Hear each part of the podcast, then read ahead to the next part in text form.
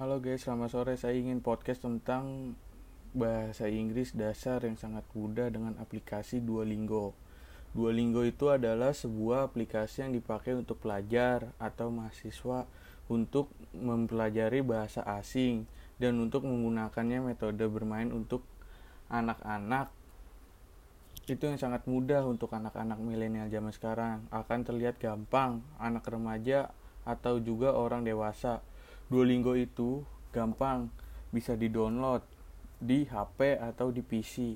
Kalau di HP untuk aplikasi Duolingo di HP Android bisa di Play Store dan itu bisa di App Store iPhone dan di PC bisa di Google Chrome.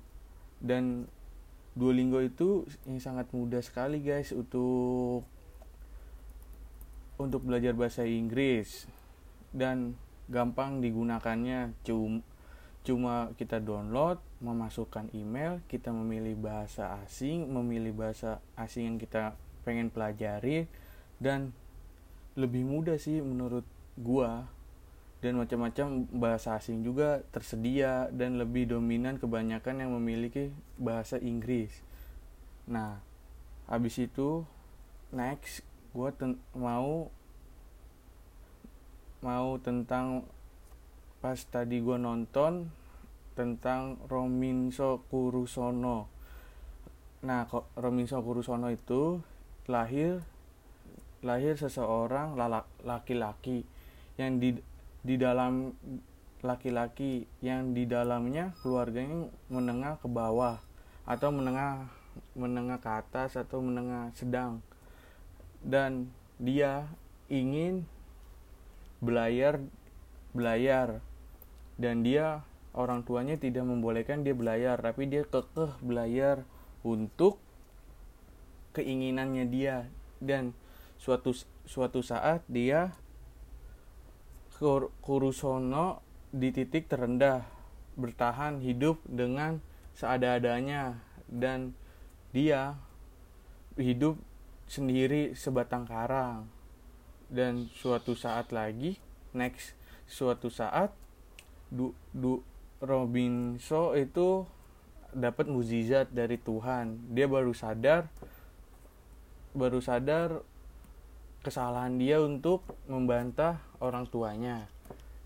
Dan dia dapat mukjizat terus dia baru sadar dia meminta maaf kepada orang tuanya dan dia ber, dia sadar dan dia lebih dekat kepada orang tuanya dan Tuhannya dan dan lebih menghargai orang satu sama lain.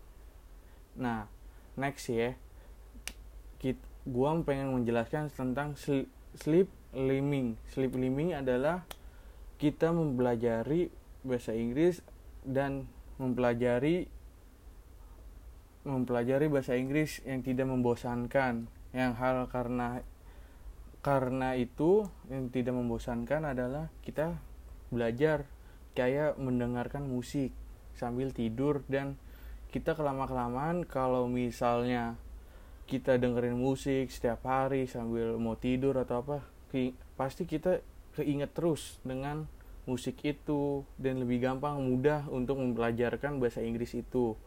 Dan sama juga yang tidak tidak boring tidak apa yang di pas kita tidur atau apa kita belajar bahasa Inggris. Bahasa Inggris itu belajar itu sangat mudah sih menurut gua. Ya sekian dari gua podcast gua. Kalau ada salahnya mohon maaf. Assalamualaikum warahmatullahi wabarakatuh